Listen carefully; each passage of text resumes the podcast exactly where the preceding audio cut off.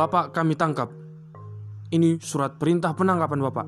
Silahkan ikuti kami ke kantor polisi.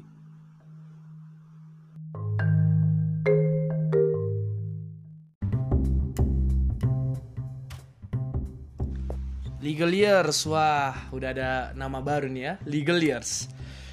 Di episode kali ini kita akan bahas mengenai upaya paksa. Sebenarnya upaya paksa ini cukup luas, mencakup penangkapan, penahanan, pemeriksaan surat, penyitaan, dan lain-lain. Namun dalam kali ini kita mau fokus aja ke penangkapan dan penahanan. Karena ini adalah dua jenis proses yang paling umum dikenal dan cukup penting untuk diketahui oleh masyarakat umum.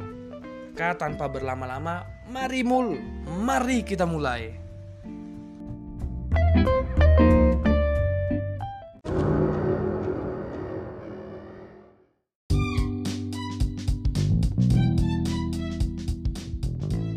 Siapa di antara legal years yang pernah nonton TV terus lihat ada adegan di mana polisi datang ke rumah dan membawa orang di rumah itu diborgol tangannya, dimasukin ke mobil, dibawa ke kantor polisi. Atau misalnya pernah lihat sendiri atau pernah ngalamin. Wah, bahaya ini kalau sudah pernah ngalamin ya. Jadi, kita mengenal dalam proses pemeriksaan pidana yang namanya penangkapan dan penahanan. Penangkapan dan penahanan ini tentunya dilakukan oleh pihak yang berwenang dalam hal ini adalah penyelidik atau penyidik yaitu pejabat kepolisian dan dalam hal-hal khusus bisa oleh penyidik PNS, PPNS seperti yang kita bahas di episode sebelumnya. Jadi kita mau tahu dulu nih penangkapan itu apa? Jadi penangkapan itu adalah suatu tindakan penyidik berupa pengekangan sementara waktu kebebasan tersangka atau terdakwa apabila ada cukup bukti guna kepentingan penyidikan atau penuntutan. Nah, jadi menurut KUHAP, seseorang bisa ditangkap apabila diduga keras melakukan tindak pidana dan dugaan ini harus berdasar, nggak boleh sewenang-wenang Dasarnya apa? Adanya bukti permulaan yang cukup, yaitu bukti permulaan untuk menduga adanya tindak pidana dan bukti permulaan yang menunjukkan bahwa si tersangka atau terdakwa adalah tersangka pelaku dari tindak pidana tersebut. Jadi, penangkapan tersebut harus dilakukan untuk kepentingan penyelidikan dan juga untuk kepentingan penyidikan. Kemudian kita mau tahu dulu nih yang namanya penahanan. Penahanan adalah penempatan tersangka tadi yang sudah ditangkap tadi di tempat tertentu oleh penyidik atau oleh jaksa penuntut umum, penuntut umum biasanya jaksa, atau oleh hakim dengan penetapannya dalam hal ini harus menurut cara yang diatur oleh KUHAP.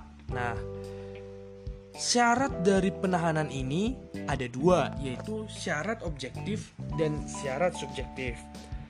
Syarat ini artinya harus dipenuhi dulu syaratnya, baru bisa seseorang itu ditahan. Tidak serta-merta semua tindak pidana dapat menyebabkan tersangkanya langsung ditahan. Tidak. Jadi syaratnya apa saja? Yang pertama syarat subjektif. Syarat subjektif ini artinya syarat yang bergantung kepada orang yang memerintahkan penahanan tersebut. Misalnya, penyidik khawatir akan tersangka bisa melarikan diri atau penyidik khawatir tersangka akan merusak atau dengan sengaja menghilangkan barang bukti atau penyidik khawatir tersangka atau terdakwa melakukan lagi tindak pidana maka penyidik berhak untuk melakukan penahanan. Kemudian syarat objektifnya apa? Yaitu syarat yang tergantung kepada apa yang tertulis dalam undang-undang. Artinya tidak tergantung kepada orang yang berhak untuk melakukan penahanannya. Syarat objektifnya ini apa saja? Yang pertama itu tindak pidananya diancam pidana penjara 5 tahun atau lebih. Kemudian tindak pidananya adalah yang diatur dalam pasal 282, pasal 296, pasal 335 dan lain sebagainya dalam KUHP dan dalam undang-undang lain yang mengandung hukum pidana. Penahanan tidak hanya dilakukan dalam rutan atau sel loh. Namun menurut KUHAP ada tiga jenis penahanan. Yang pertama, penahanan dalam rumah tahanan negara atau rutan, yaitu tersangka atau terdakwa ditempatkan di rutan. Yang kedua, penahanan rumah, yaitu tersangka atau terdakwa diletakkan, ditempatkan di rumah kediaman tersangka sendiri dan dalam pengawasan untuk menghindari hal-hal yang tidak diinginkan. Kemudian ada juga penahanan kota, yaitu terdakwa atau tersangka tetap berada dalam kota kediaman mereka dan wajib untuk melapor pada saat yang ditentukan. Lantas, apakah dapat ditahan selama waktu yang diinginkan oleh penyidik? Tidak. Penahanan punya batas waktu. Menurut tingkatnya, yang pertama, dalam tingkat penyidikan, penahanan dapat dilaksanakan selama paling lama 20 hari. Kemudian, apabila diperlukan, maka dapat diperpanjang oleh penuntut umum untuk keperluan pemeriksaan ya, selama paling lama 40 hari. Kemudian, dalam tingkat penuntutan dapat dilakukan penahanan paling lama 20 hari dan apabila pemeriksaan belum selesai maka dapat diperpanjang oleh ketua pengadilan negeri yang berwenang untuk paling lama 30 hari. Nah, ini masih dalam tingkat penuntutan ya. Kemudian dalam tingkat pengadilan negeri, hakim pengadilan negeri yang mengadili perkara dapat memerintahkan untuk menahan kembali selama paling lama 30 hari. Kemudian apabila belum selesai, oleh ketua pengadilan negeri dapat ditahan kembali terdakwa tersebut untuk paling lama 60 hari. Jadi, apabila lewat dari batas-batas yang ditentukan tadi, maka terdakwa harus sudah dikeluarkan dari tahanan demi hukum. Kemudian di tingkat banding pengadilan tinggi dapat kembali dilakukan penahanan untuk paling lama 30 hari dan apabila belum selesai pemeriksaannya dapat diperpanjang lagi hingga 60 hari. Kemudian di tingkat kasasi atau Mahkamah Agung dapat dilakukan penahanan paling lama 50 hari dan apabila Pemeriksaan belum selesai, boleh diperpanjang hingga 60 hari.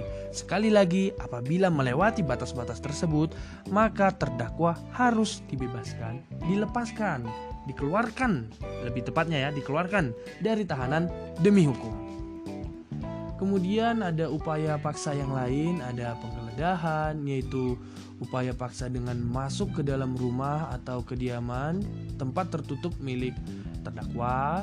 Kemudian ada penyitaan yaitu pengambilan dan penguasaan benda bergerak atau tidak bergerak untuk kepentingan pembuktian dan juga ada proses pemeriksaan surat.